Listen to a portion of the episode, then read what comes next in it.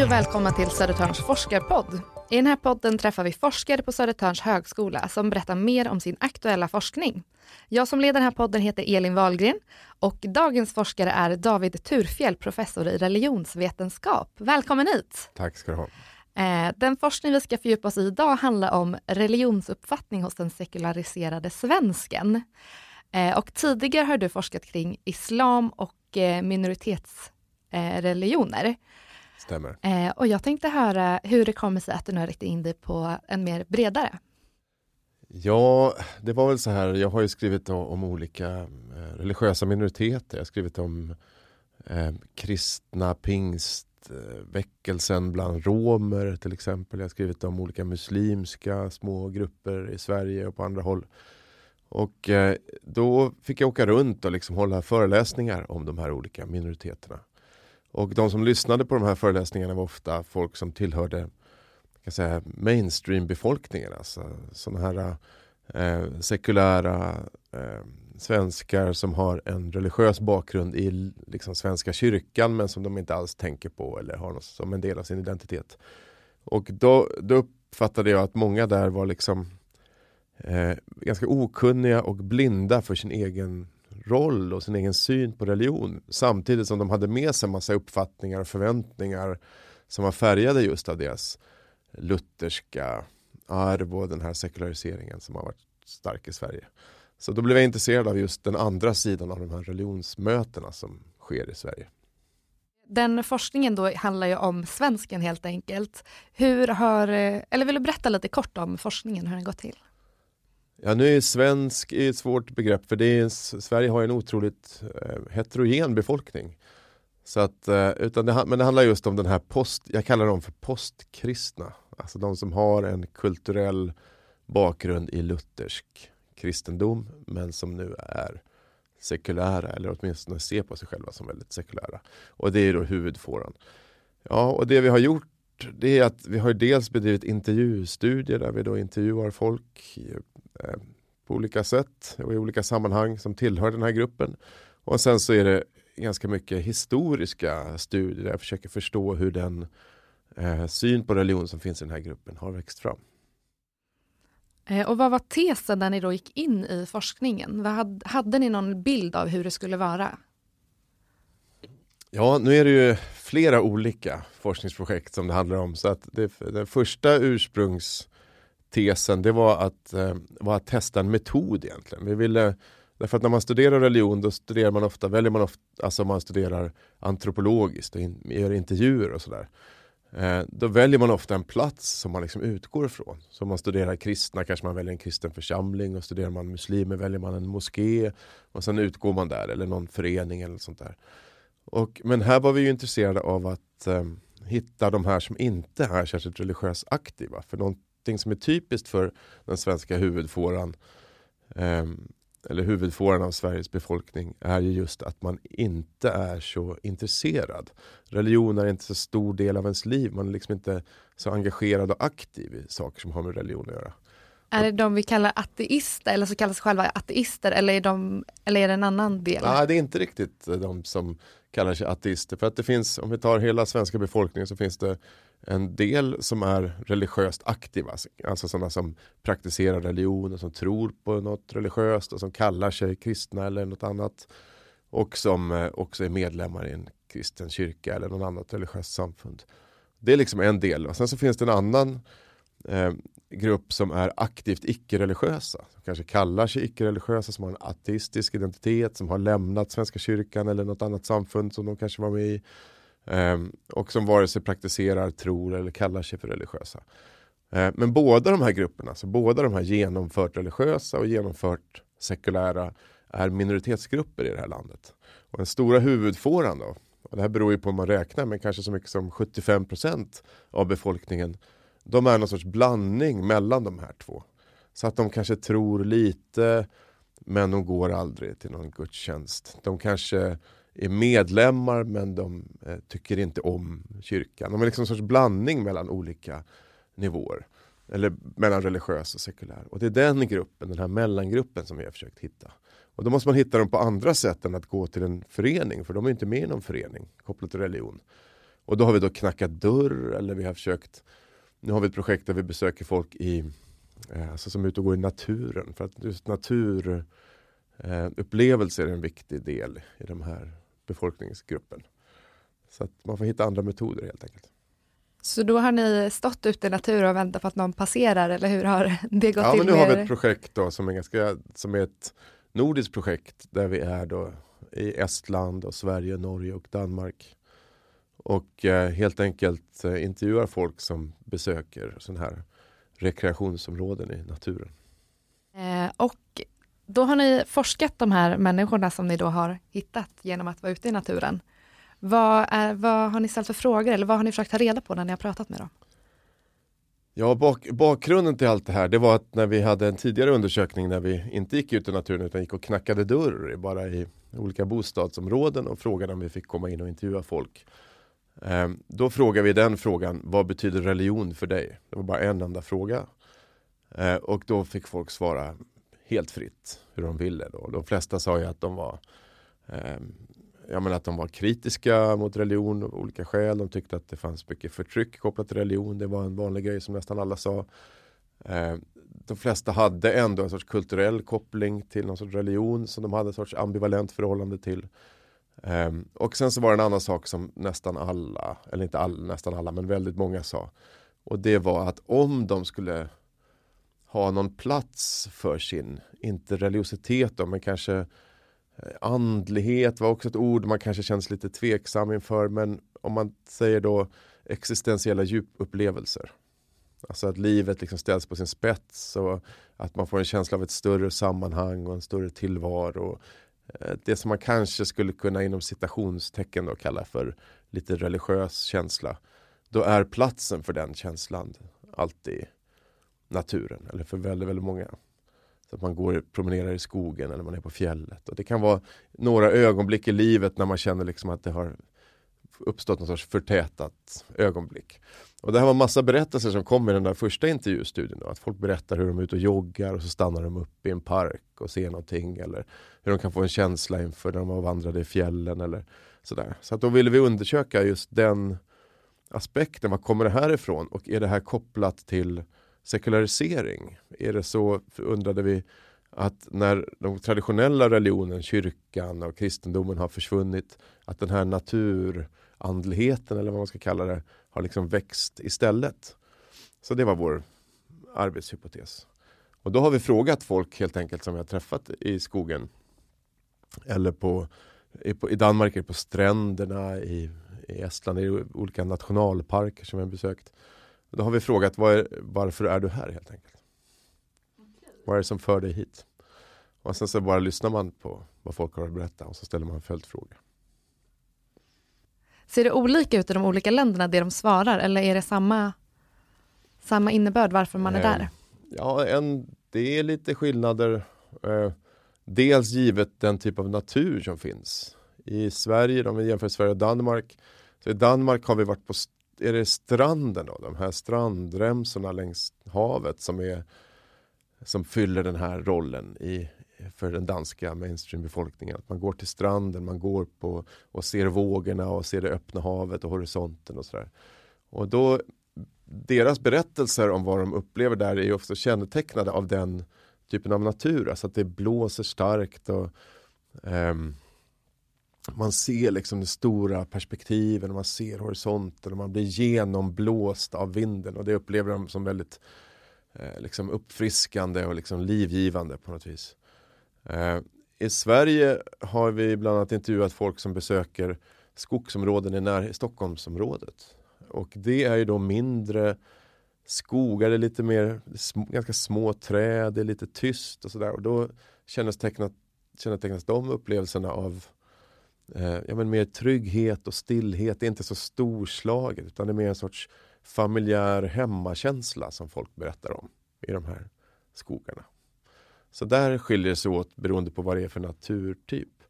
Sen så är det också något annat som skiljer sig mellan länderna. Det är förmågan att uttrycka vad man har upplevt. Nu är inte det här en kvantitativ undersökning utan det är kvalitativt för att förstå den här eh, vad, vad naturen betyder för folk i existentiell bemärkelse. Men då kan vi märka att i Estland så de intervjupersonerna där är mycket mer korthuggna. De har liksom inte lika mångordiga som de är i Danmark och Sverige.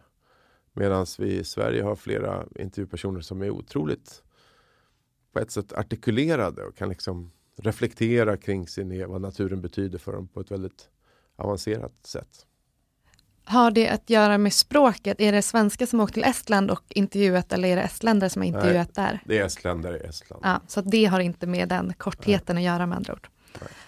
Och vad är likheterna då mellan de här länderna i svaren? Vad kan man se som skiljer oss mot resterande Europa kanske? Eller det har ni kanske inte koll på? Ja, nu är det nog kanske, vi har inte då intervjuat, förutom några få jämförelseintervjuer som vi gjort i andra länder för att få en sorts känsla för det där. Och eh, man kan väl säga att det finns en sak som finns i både Danmark och Sverige och Estland, eh, åtminstone historiskt, är ju en koppling då mellan landskapet och naturen och nationen. Alltså Sverige, då är det Danmark eller Estland. Och det här är inte särskilt påtagligt i Sverige idag. Så att om man går ut och frågar folk, eh, stockholmare som är ute och går i Nackareservatet varför de är där. Då är det inte så många som börjar tala om att det här handlar om att de är svenskar eller något sånt där. Men i Estland är det oerhört påtagligt. Nästan varje intervju så svarar folk att eh, det här har med min estniskhet att göra. Jag är liksom est och det här är en del av min nationella identitet att jag är ute och går i skogen. Däremot om man frågar svenskar eller danskar om att berätta om svenskhet då kommer den här då kommer de ofta tala om naturen. Så det finns en koppling mellan nationalkänsla och natur i alla de här tre länderna. Och om vi tittar tillbaka i historien så kan man säga att i Sverige så har den här naturnationalismen, det finns till och med ett ord för det där. Alltså en typ av nationalism som lyfter fram just naturen och landskapet och det unikt sköna då som man tyckte sig se just det svenska.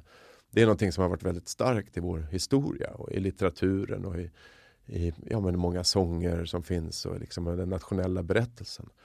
Och den grejen, att man kopplar ihop nationen och naturen och också att man till det lägger också en sorts känsla av det gamla hedliga Sverige som har försvunnit. Alltså, eller gamla heliga Danmark eller gamla heliga Estland. Om man, om man, går ut, om du åker till Tyresta eh, nationalpark här utanför Stockholm eller besöker någon av de här naturreservaten som finns. Då har man ju ofta byggt upp en sorts litet bondesverige i miniatyr. Man har byggt gärdsgårdar i gammal stil och där finns några höns och lite får och lite getter. Och så det, det är som att man åker tillbaka till det gamla bondesamhället. Så att man kopplar ihop naturen med en nationalistisk eh, svenskhetskänsla, då, eller danskhetskänsla, eller estniskhetskänsla. Och sen kopplar man också på det där med en sorts nostalgisk känsla av det förflutna. Och att de där tre komponenterna, naturen, historien och nationen, liksom knyts ihop och passar ihop så bra. Det är någonting som har att göra med att de här europeiska nationerna. Och det gäller inte bara Sverige, Danmark och Estland utan även andra länder. Till exempel, ja men jag var i Tjeckien här och det har att göra med eh, nästan alla europeiska länder. De fick berätt, eh, skapade sina nationella berättelser samtidigt som man bröt upp från det gamla mer naturnära liksom, självhushållarlivet.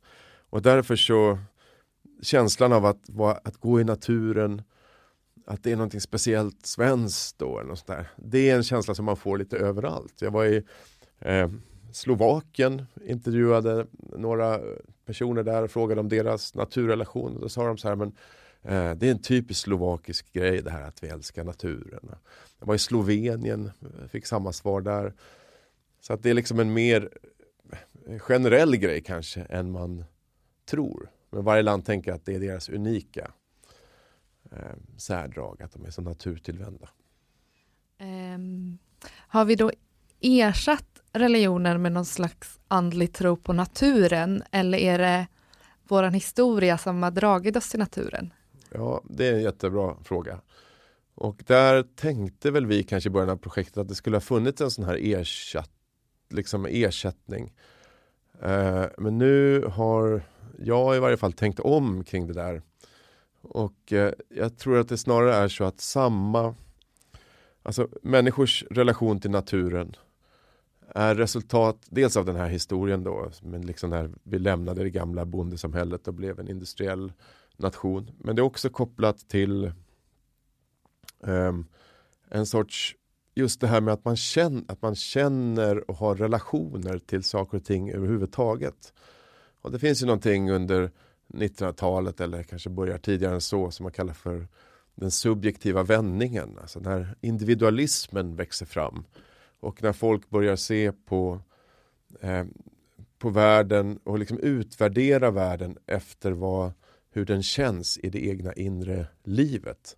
Så att om, man, om du tänker dig en i bondesamhället på 1700-talet, några bönder i, liksom, här på Södertörn på 1700-talet eller 1800-talet. Det var inte så att det fanns så många valalternativ utan din kön och din ålder och din börd bestämde vad du skulle göra i livet. Då var du en bondflicka i en bondfamilj då var, och du var 12 år gammal. Ja, då var det här dina uppgifter. Det här var den typ av kläder du skulle ha. Det här var din frisyr och, och det här skulle du heta. Liksom. Det fanns en väldigt given plats. Och sen så i takt med att det moderna samhället växer fram så växer också individualismen fram. Att vi börjar liksom utvärdera vårt liv och bejaka våra egna inre känslor. Liksom. Och då börjar vi tänka efter så känner vi så här, men vad vill jag egentligen? Vill jag vara bondflicka eller vill jag kanske utbilda mig? Och så börjar vi eh, ge värde och eh, lyssna på den där inre rösten. Och det där, eh, den där liksom individualismen då, att man värderar sitt eget inre, sin egen inre röst och sin egen inre vilja och sin egen individualitet. Den påverkar synen på naturen. Därför att plötsligt börjar vi titta på naturen och tänka liksom, hur påverkar den här mig och tycker jag om det här och vilken typ av landskap tycker jag om och, och sådär. Men den påverkar också religionen. Så att eh, man kan tänka sig om en arbetshypotes skulle vara så att förut så satt folk och tyckte om religionen och nu tycker de istället om skogen. Så kanske, det kan ju stämma att det har varit så lite. Men det är nog snarare så att förut så tänkte de inte på vad de tyckte om i samma utsträckning. Om vi tar vanligt folk nu, allmogen. Och med individualismen och den moderna tiden så börjar folk eh, känna efter vad de faktiskt tycker. Och att, eh, att de får en mer individuell känslomässig relation både till kyrkan då och till naturen. Mm. Hur har då naturen påverkat religionen? Ja, då är det så religioner, alla religioner om vi tar kristendomen då i Sverige, som är den största religionen, eh, de lever ju i sin, de är otroligt flexibla kulturella storheter. Så att de här religionerna kan ju eh, fyllas med otroligt olikartat innehåll och ändå behålla sin känsla av att vara en och samma religion. Och då kan vi se då, så det är en, en av de saker vi har undersökt, är hur har natursynen i svensk kristendom förändrats då under århundradena. Och då kan man ju se att eh, nu är ju alltså det här ekologiska medvetandet och vegetarianism och, och att tänka på klimatförändringar och vara, vara liksom miljömedveten. Det är en väldigt stor del nu av Svenska kyrkan och den kyrkans förkunnelse och verksamhet. Det är liksom en huvudkomponent nu. Och det är ju det därför att det är det övriga samhället också. Att man liksom följer med samhället för att man är en del av samhället. Och tittar vi längre tillbaka i historien så kan vi se att det sker ett skifte i svenska lutherdomens natursyn eh, som har att göra med moderniseringen och, en, och med romantiken. Så att om vi går eh, tillbaka till liksom 1600-talet och 1700-talet då är det nästan bara, när man talar om naturen överhuvudtaget så är det ju då två saker som slår igenom. Och en sak är att man har den här starka åtskillnaden mellan det himmelska och det jordiska. Att liksom, eh, det finns himmel och det finns jord. Och eh, du kanske hört Blomstertid nu kommer, den här salmen. Då, då säger man ju, sjunger de ju i den att all den här skönheten, eller vad det är, skola oss påminna om Guds godhetsrikedom. Mm, alltså att när naturen är vacker så är det för att den ska, som poängen med det är att det är som en sorts påminnelse, en sorts pedagogik för att påminna oss om hur ännu mycket vackrare det ska vara i himlen. Så att naturen finns där som en sorts pedagogisk port. Då, in, naturens skönhet är som en, en, en instruktion om hur vackert det ska vara i himlen. Och hela tiden så finns det då en skillnad mellan det jordiska och det himmelska som är väldigt påtaglig. Allt det här ska försvinna och eh, eh, ruttna och vissna bort men det finns en evig skönhet i himlen sen. Så det är liksom det första som slår igenom väldigt starkt med kristendomen. Och, sen kan man se, och det här motsvaras då också av att när man talar om naturen i bemärkelsen träd och fåglar och sånt där då är det aldrig de här träden alltså svenska träd som det handlar om utan det är då den bibliska de bibliska texternas natur. Så det är daddelpalmar och palmer och vinrankor och, och sådana där exotiska växter som svenska... Som inte finns här i Sverige. Nej, precis. Så att den, den här naturen, alltså granarna och kornfälten och liksom brallar rosorna i, i den svenska skogen, Det är ganska fjärmad då från religionen. Och det som händer sen när nationalismen kommer och romantiken kommer, då börjar långsamt de här den här naturen, vår natur, att sippra in också i det religiösa språket. Så att när nationalismen kommer och när naturnationalismen kommer, då blir också kyrkan och kristendomen natur naturnationalistisk i Sverige. Så där har man ändå sett en skillnad att den svenska naturen, om man kan kalla det så, har kommit in i religionen ja. när vi blir national nationalistiska. Ja, precis. Så religionen följer med hela tiden det som är samhällets trend. Just det. Eller de, de är liksom helt sammanflätade. Så att religionen är inte skild från människorna som är delar av den här religionen utan den är en del av deras tankevärld. Och det är de som skriver salmerna. Så att när, de, när det blir romantik i Europa, europeisk litteratur Ja då ska psalmförfattare, de blir också inspirerade av den här romantiken så de skriver de romantiska, naturromantiska psalmer. Så det är, religionen är helt sammanflätad med kulturen i övrigt. Just det. Eh, om man ser vidare på det här då. Du har ju kollat nu runt om i Stockholm och naturområden utanför Stockholm som jag förstått det. Kan man se skillnad på de som bor i storstan där vi har svårare att få tag i natur gentemot de som bor på stads, nej, i landsbygden? Ja, alltså det är en liksom grund eh, upptäckt då. Och det här är väl i och för sig inte något nytt för det här projektet att, att eh, konstatera det här. Men det är ju att den här kärleken, romantiska kärleken till naturen eh, är ju ett resultat av att man inte är så nära naturen. Alltså det är precis tvärtom egentligen. Så det finns en sorts föreställning av att vi är ett naturälskande folk. Men det, liksom, det finns en sån idé. Men den här naturkärleken är en konsekvens av att vi faktiskt inte är nära naturen. Och, och den här, en sån romantisk naturkärlek växer fram samtidigt och i en samhällsklass, en sorts borgerlig urban samhällsklass som kännetecknas just av att man faktiskt inte är ute i naturen. Och när man är fjärmad från någonting så kan man romantisera det och liksom göra det till någonting vackrare och enklare och mer eh, tillrättalagt än det. Så att eh, så är det helt klart.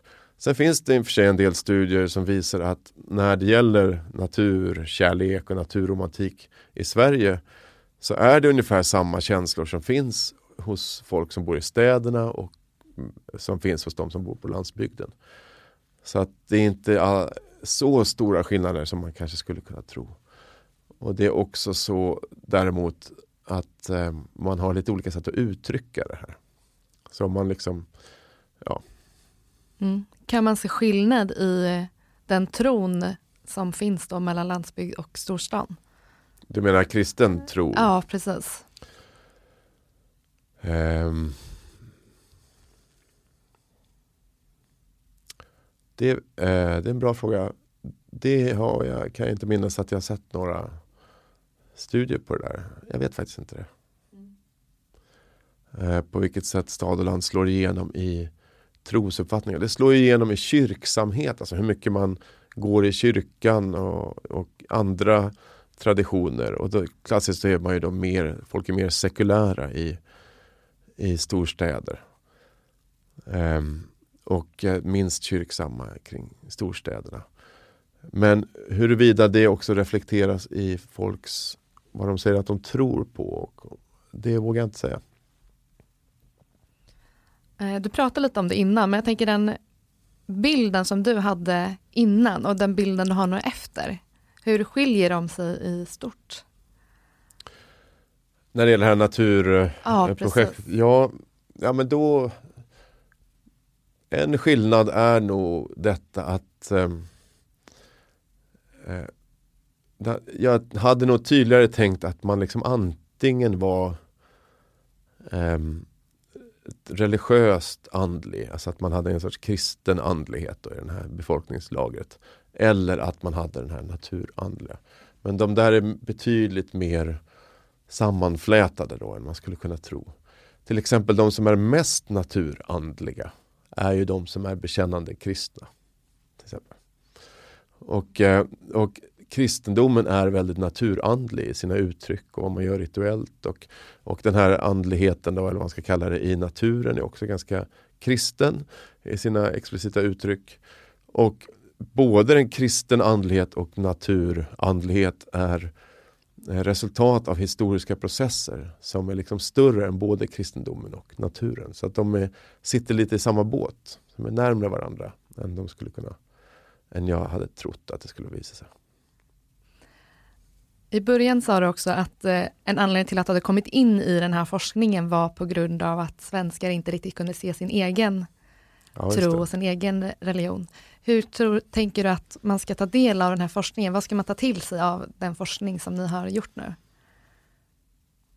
Ja, men jag tror att eh, många är väl intresserade av att förstå sig själv. Och att förstå varför man eh, är som man är. Och eh, jag är religionshistoriker och har liksom ett historiskt perspektiv, även om det handlar om samtidsmänniskor. Och det historiska perspektivet innebär ju att man liksom erkänner och ser att vi människor är resultatet av en kulturhistoria som inte riktigt har överblick över. Att jag känner på ett speciellt sätt när jag åker till min familjs eh, stuga. Liksom. Att jag klär mig på ett speciellt sätt, att det är den naturliga platsen för vissa typer av upplevelser. Det är resultatet av en lång historia som går tillbaks till Sveriges modernisering och och som har funnits i min egen familj men som också har djupare rötter i ett tidigare äldre liksom, svenskt självhushållarsamhälle. Och det är väl, så att, genom att studera den historien så lär jag känna någonting om mig själv. Och Det kan ju också vara intressant för folk som kommer till Sverige utifrån och vill förstå eh, eh den här mainstream-befolkningen i det här landet. Mm. Riktigt intressant att höra på din forskning och det det handlar om. Vi ska börja avsluta här. Så jag får tacka så jättemycket för att du kom hit och berättade om din forskning. Det var jättekul att höra om. Eh, jag tackar också till er som har lyssnat på ännu ett avsnitt av Södertörns forskarpodd. Tekniker idag var Simon Karlsson och jag heter Elin Wahlgren. Tack för idag. Tack.